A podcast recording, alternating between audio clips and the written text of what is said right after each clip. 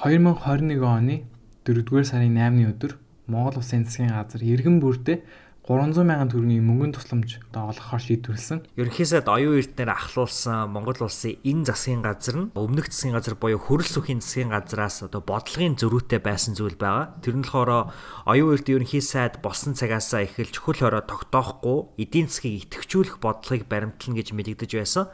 А гэтэл өмнөх ерөнхийсэд бол хөрөл сүхийн үед болохоор нийтийн эрүүл мэндийг чухалчилсан бол бодлого баримталж байсан те. Тэр утгаараа бол хөл хоройг бол удаа дараалан бол тогтоож исэн бол энэ нь бол оюун эрдэнэ засгийн газрын хамгийн анхны одоо тогтоож байгаа хөл хорой байгаа.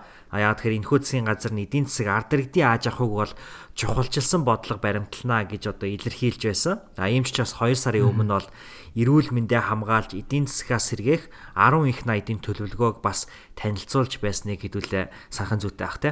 Энэхүү хатуг хөл хоройг тохиолдуулж Монгол улсын иргэн бүр ямар нэгэн хязгаар харгалзаж өгөх шалтгаангүйгээр энэхүү мөнгийг бол авч болж байгаа. Тэр энэхүү энэ нь болохоор Монгол улсын түүхэнд анх удаага иргэн бүрт өгч буй мөнгөнд тусламж болж байна. Өмнө нь яг хүүхдийн мөнгө, хамтуудын зээлэг тэглэх гих мэтчлэн одоо санхүүгийн тусламж засгийн газраас өгдөг байсан. А гэхдээ Монгол улсын иргэн болон 3 сая бүх хүндээ бол үүжсэн анх удаагийн тохиолдол болж байгаа. Түүхэн үйл явдал болсон байгаа даа. Аа. За тэгэхээр 4-р сарын эхний байдлаар COVID-19 өвчний халдвар орон даяар өдөрт 500 гаруй тохиолдлоор илэрч цар тахал Монгол улсад анхны тохиолдолд бүртгэгдсэн цагаас хойш хамгийн хурцтай тархалтуудыг бол үдсэн тул 4-р сарын 25 хүртэл хөл хорой тогтоогоод байгааг бид нэр сайн мэдж байгаа тийм. За хөл хорой үргэлжилж буй энэ хүү өдрүүдийн үеэр буюу 2021 оны 4-р сарын 16-ны өдрийг жишээ олгох юм бол а тус өдөр тухайн өдөр Монгол улс шинээр 1107 шинэ COVID-19 өвчний тохиолдлууд илэрч мөн тус өдөр харамсалтай гар 6 хүн амнасаа энэ хүү өвчний улмаас бол алдсан гэж одоо бүртгэгдээд байгаа. За ингэснээр одоо нэг өдрийн дотор бүртгэгдсэн хамгийн өндөр тоонууд болж одоогийн байдлаар бол 7 хоногт дунджаар 1000 орчим шин тохиолдлууд илэрч хөл хороо тогтооход хүргэсэн энэ тооноос бол хоёр дахин илүү тоог бол бид нэр одоогийн байдлаар бол бүртгэгдээд байна. Одоо бид нарт энэ олгосон 300 мянган төгрөг маань хаанаас гараад ирвэ гэж гайхчих магадгүй. Яг тэгэхээр Монгол улс байтугай дэлхийн томоохон эдийн засгтай одоо Япон, Америк одоо юу гэдэг те бүх орнууд эдийн засгийн хүнд байдалтай байгаа. Тэгээд маш олон орн дэлхийд даяар бүсэж хангалсан байдалтай байгаа. Тэгэхээр энэ их мөнгийг шууд ингээ гаргана гэдэг маань бид нэр шууд ингээ байхгүй юмнаас гаргаж чадахгүй. Тэгэхээр сайхан оюутлогын офицер компанид тавьсан татврын актаар ол оржсэн нэг их 80 гаруй төгрөг инхүү Монголд эргэлдөө шилжиж оюутлогоо тавьсан актаар тавьсан мөнгө нь манай иргэд рүү 300 сая төгрөг болж орцсон гэсэн үг байна. Тэгэхээр нийт 3 сая 373 мянга 25 Монгол улсын иргэнд энэхүү мөнгө шилжиж очсон гэсэн үг. Үүнд дөнгөж төрсэн эсвэл гадаад байгаа Монгол улсын иргэн бүр хамаарагдаж байна гэсэн үг л дээ. COVID-19 өвчний улмаас эдийн засаг нийгэмд нөлөөлж байгаа нөлөө бол Монгол улс төдийгүй оргилж байгаагаар дэлхийд даяар бол маш тод нөлөөг бол үзүүлж байгаа тийм. За тэгэхээр Монгол улсад яг ямар нөлөөг үзүүлээд байгаа За энэ талаарх тоо статистикийг дурдах юм бол нэгдсэн төсвийн орлого бол 13.6 хувиар 2020 онд 2019 оны байдалтай харьцуулахад бол буурсан байна. За ажилтнуудын салбарын үйлдвэрлэл 6.7 хувиар буурсан дотор бол уул уурхайн салбар, боловсруулах салбарын үйлдвэрлэлүүд тус тусдаа мөн бас их хэмжээний алдагдцээд байгаа. За экспорт бол импортын хэмжээ аль аль нь бол буурсан байгаа. Импортын хэмжээг дурдах юм бол 13.6%-аар буурсан. Хэрэглээ бараа үйлчлэгээний үн бол Монгол улсад 2.3%-аар 2020 онд бол нэмэгдсэн гэсэн тоо статистик байгаа юм байна. За улсын нэгдсэн төсвийн зарлага бол 2020 онд 19.7%-аар нэмэгдсэн. За энэ тоо статистик донд хамгийн их одоо тоо бол бид нар хугацаа хитэрсэн зээлийн үрийн үлдэгдэл 54.1% одоо өссөнөөс бол харж болж байна.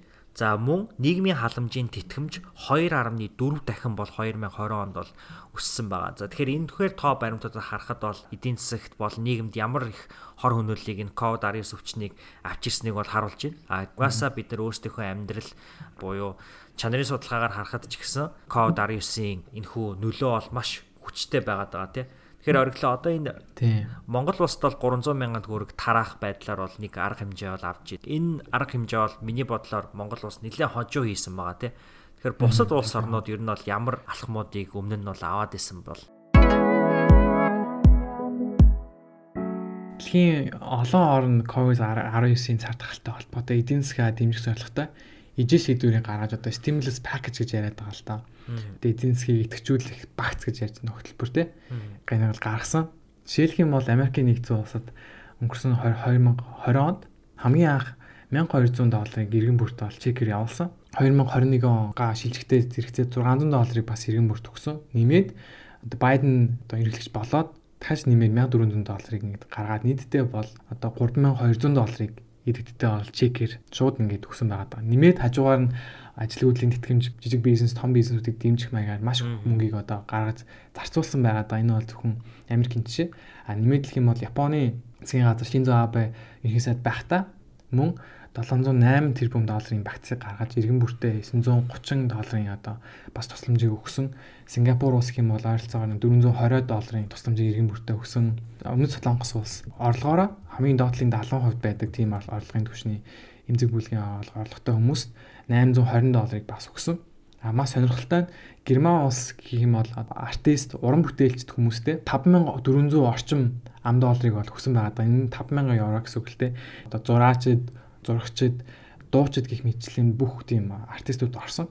Тэгэхээр 5000 доллар гэдэг бол маш их мөнгө те. Тиймэрхүү артистуудын хувьд артистууд өөрсдийнхөө одоо баялсан сэтгэлээ засгийн газарт илэрхийлж байгаа маш олон тиймийг бол бид нар харсан л та тийм. А мөн Итали улс бас хуваарай бизнес эрхлэгчдэд 650 долларыг бол бас өгсөн байгаа даа. Тэгээ маш сонирхолтой юм нь юу гэхээр сүүлд гаргасан одоо 1400 доллар болон 600 долларын чекийг ингээ хард үзэх юм бол Америк хүмүүс яг яаж энэ чекээ өрсөн бэ гэдэг судалсан байна л да. Тэгээ 2021 оны 2 дугаар сарын 17 оны 17-наас 3 сарын 1-ний ингээд авсан судалгаагаар 52% нь өөрийнхөө одоо байсан өрийг тодорхой хэмжээг төлөхөдөө зарцуулсан гэж хэлсэн байна. 28% зүгээр ингээд янз бүрийн бараа авахд зарцуулсан гэсэн байна. 19% нь хадгалсан гэж хэлсэн байна л. Иргэн бүрт 300 сая төгрөг тараах шийдвэр нь байж болох хамгийн бага хэмжээний бэлтгэл ажилтаагаар буюу судалгаа төлөлгөөгөөр гаргасан шийдвэр гэж бас харагдаж болно гэж бол үзэж байгаа. За яагаад вэ гэхээр ард иргэдийн орлогын төвшинг харгалзаж үзэхгүйгээр мөнгө тараасан явдал байгаад байгаа тийм. А өөрөөр хэлбэл COVID-19 халдвар төвчнөөс үүдэлтэй эдийн засгийн үр нөлөө, нийгмийн үр нөлөө нь тухайн нийгмийн одоо өөр өөр хэсгүүдэд ондоо ондоо нөлөөллүүдийг бол үзүүлдэг нь тодорхой. За жишээ нь орлогын түвшин бага, цар тохлын улмаас ажил орлогогүй болсон хүмүүс, бизнесэнд давпуурсан ард иргэдэд тусгайлан туслах бус харин хүн бүрт адил хэмжээний мөнгө тараснаар нийгмийн чинээлэг хэсэгт ч гэсэн одоо мөнгөнд тусламж бол очиж байгаа гэдгийг бол одоо сануулгын зүйтэй нийгэм эдийн засгийн мэдрэмжгүй шийдвэр гэж бол энийг бол тодорхойлж болно. За гэхдээ засгийн газраас үзүүлж буй мөнгөн тусламж мөнгөн тусламжийнх нь бас нэг зорилго нь эдийн засагт илүү их мөнгө эргэлдүүлэх буюу иргэд хэрэгцээтэй гэхээсээ гадна бусад одоо бараа бүтээгдэхүүн үйлчлэгээ борлуулалтыг дэмжих зорилготой бас энэ хүү мөнгөн тусламжийг тараах шалтгаантай гэдгийг бас дурдахын зүйтэй баг. Өмнө нь батлагыг эргэлгэж өрх бүрт сайн төгрөг өгье гэдэг санааг бол төвшүүлж исэн. Одоо тэр одоо энэ 300 сая тараах үйл явдал нь батлагыг эргэлгэж тэр төвшүүлжсэнээс ямар ялгаатай вэ гэхээр Одоо шилэх юм бол нэг айл хоёр ам бүлтэй байлж бодъё л доо тий. Их нөхөр амьдардаг амьдардаг. А тэгээд энэ хоёр ам бүлтэй айл одоогийн шийдвэрээр бол 600 сая төгрөг авчихна гэсэн үг. А тэгсэн чинь нөгөө талд нь 5 ам бүлтэй айл байлаа гэж л та. 5 ам бүлтэй айл нь сая 500 сая төгрөг явна гэсэн үг л дээ. Хоёр ам бүлтэй ч гэсэн хамаагүй 5 ам бүлтэй ч хамаагүй адилхан 1 сая төгрөг явахаар одоо үзүүлж байгаа үр нөлөө нь тухайн гэр бүл ялгаатай байдлаар үйлчлэн гэсэн үг л дээ. Энэхүү 300 мянган хүн болон тараснаас тэр байдлыг бол авч хайж байгаа гэж зарим хүмүүс үзэж байгаа юм билээ. Дэлхийн улс орнууд нэг эсвэл хит хитэн мөнгөнд тусламж үзүүлэхээс гадна өөр өөр байдлуудаар нийгэм эдийн засгийн дэмжлэг өмнө үзүүлж байгаа тийм. За жишээ нь одоо ажилгүйдлийн мөнгөнд итгэмж гэж байна. Америк нэгдсэн улс гэхэд 7 хоног өөр цар тахлын улмаас ажилгүй улс иргэдэд 600 долларыг өгч хагаад дараа нь 300 доллар болж багасгаад одоо хүртэл бол тэр мөнгийг бол өгсөн хэвээр байгаа. За Европын орнууд харин ажил олгогч бизнесүүдэд цалин тавах тавихад одоо шаардлагатай мөнгө тусламжаар хангаж байгаа гэх мэт. Энэтхэг улсад настай иргэдэд нэг удаагийн 13 долларын тусламж үзүүлсэн баг жишээтэй. Ядуу иргэдтэй болохоор гурил будаа тараасан жишээтэй гэдэг юм уу. Тэгэхээр бол түрүүнд дурлаад байсанчлан улс орнууд бол мөнгө тусламжийн шийдвэр гаргахдаа тухайн иргэдийн одоо нийгмийн давхраг тийм ээ тэрийг нь харгалзаж үзэж бас өөр өөр уян хатан шийдвэрүүд гаргаж байсныг бол энэ ч дуртахын зүйтэй баг. 2021 оны 3 сарын байдлаар Америкийн нэгдсэн улсын инфляцийн түвшин 1.7-оос 2.6 болж нэмэгдсэн байна. Энэ нь сая Байден эрхлэгчийн эдийн засгт оруулсан 1.9 их доллароос болсон байж болцгүй гэж маш олон хүн үзэж байгаа. Ягаад гэхээр хүмүүс ингээд бэлэн мөнгөтэй болоо тэрийгэ зарцуулаад ирэхээр юмны үн нэмэгдэндээ инфляц өсгөн гэх мэтчлэн гарч ирж байна гэсэн үг. А мөн дэлхийн үнэт цаас болон хувьцаа крипто валютын зах зээлд маш том одоо өр нөлөө үзүүлсэн гэж хүмүүс үзэж байгаа. Жишээлх юм бол одоо биткойн, крипто валютын үн 3 сараас хойш бараг 40 гаруй өсөд сая 2 2 3 хоногийн өмнө 60 63 4 мянган доллар хүртэл бол өссөн байгаа даа тий.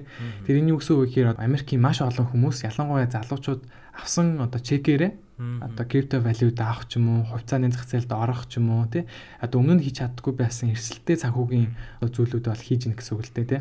Тэгээ харамсалтай нь дэлхийн өндөр хөгжилтэй орнуудын энэхүү мөнгөн тусламжийн хэрэглээ дэлхийн хамгийн хөгжил буруу орнууд иргэдтэй харьцуулахад 580 дахин их бол байгаад байгаа. За эннээс үүдэж ер нь бол дэлхийд даяар дэлхийн одоо олон улсын байгууллагууд ядуу буур орнуудад төдийлөн тусалж чадахгүй байна, хангалттай хэмжээний тусламж үзүүлж чадахгүй байна гэдэг бол шүүмжүүдийг бол байнгын өгж байгаа. А дэлхийн буурай улс орнууд эдийн засгийн аварч үлдэхийн тулд олон улсын банк байгууллагуудаас одоо зээлж буй өрийн хэмжээ 15 хувиар бол нэмэгдээд байна. Ингэснээр бол тухайн улс орны ард иргэд бол цаашдынхаа хид хідэн үед бол үрийн дарамтыг бол нэмж өгч гин гэдгийг бол анхааруулах нь зүйтэй. Тэгэхээр зэрэг ямарваа нэгэн улс орон эдийн засгийн мөнгөнд тусламж үзүүлж байгаа тохиолдолд тухайн зүйлж байгаа мөнгө нь эдийн засгийнхаа хамгийн үр өгөөжтэй салбаруудад бас чиглэж гинүү гэдэг нь бол чухал байгаад байгаа. Энгийн жишээ аваад ярих юм бол COVID-19-ийн улмаас бол дэлхийд даяар боловсролын систем бол маш одоо хүн цохилтонд орсон тийм ээ. Хүүхдүүд сургуультаа явж чадахгүй байх жишээтэй. За үүнээс болж одоо ирээдүйд бол том том боловсролын ялгаанууд бол хэдэн жилийн дараанаас харагдаж эхэлнэ. Яг ийм байдлуудаар үрийн дарамт эхлэхээс гадна бусад мөн одоо нийгэм эдийн засгийн том том нөлөөллүүдийг ядуу буурай орнууд маш хүчтэйгээр бол мэдэрч байгаа. За Монгол улсын хувьд бол одоо Зүүн Азийн бүс нутагт бол хамаарна те. За Зүүн Азийн бүс нутаг бол нэгэн сонирхолтой зүйлийг мэдрээд байгаа. Тэр нь болохоор Аз төв бол яхаа аргагүй сүүлийн 20 жилийн хугацаанд бол маш одоо хурдцтай хөгжиж байгаад ийхүү 2.10 жилийн дараа бол хамгийн бага хэмжээний эдийн засгийн тэлэлтийг бол мэдрээд байгаа. За Аз твээс гарч байгаа мөнгөн урсгал бол бусад төв бүс нутагтай харьцуулахад бол хамаагүй өндөр байдаг. Аз төв нь эдийн засгийн хямрал үүсэх хамгийн аюултай бүс нутж ажиглагдж байна. Тэгэхээр зэрэг Монгол улс төдийгүй Аз твийн бусад улс орнууд хятадын эдийн засаг хэдий доктортой байгаа ч гэсэндэ COVID-19 цар тахлын улмаас үзүүлэх эдийн засгийн хор нөлөө манай бүс нутагт илүү бас хүчтэй нөлөөлж магадгүй гэж бол үзэж байгаа юм байна сүүлийн юм юу гэхээр манай улсын хувьд энэ шийдвэр одоо 300 сая төгрөг тарах нь хэр оновчтой шийдвэр байж чадсан бэ гэдгийг бол бодож байгаа бах. Тэгэхээр ягаад тэр хөл хоройг тогтоох гол зорилго нь flatten the curve буюу ковид кейсийн мөрөлтийг нь хавтгааруулж өдөрт илүүрч буй тохиолдлуудыг багасгах, тогтворжуулах тийм зорилготой байдаг. Гэхдээ одоогийн байдлаар энэхүү хөл хоройны үр дагаврыг тодорхойлох эрт байгаа даа л да тий. Энэ дугаарыг бид юу гэж дүнжүүлмээр байна гэхээр сонсогчдоосоо та 300 сая төгрөгөө яг юунд зарцуулсан бэ гэдгийг байхыг хүсэж байна. А тэгээд хүн авсан 300 сая төгрөг нь амьдрал чинь үнэхээр хэрэг болж чадсан уу тий хэрэг болсон бол яаж хэрэг болсон бэ гэдгийг бас та бүхэн бидэртэй хаваалцаарай.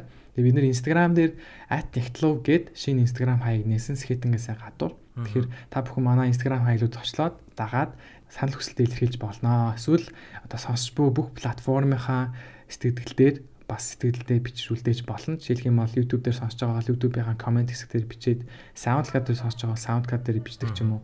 Ингэж авч болно шүү гэд дараа дараагийн удаа скетэн нягтлах подкаста та бүхэн ямар сэдвүүд бид нэрээр нягтлуулахыг хүсэж байна гэдгийг бас санал хүстэй илэрхийлж болно. За тэгээ энэ удаагийн дугаарыг хүлээж авсан сонсогчдод баярлалаа. Аа баярлалаа.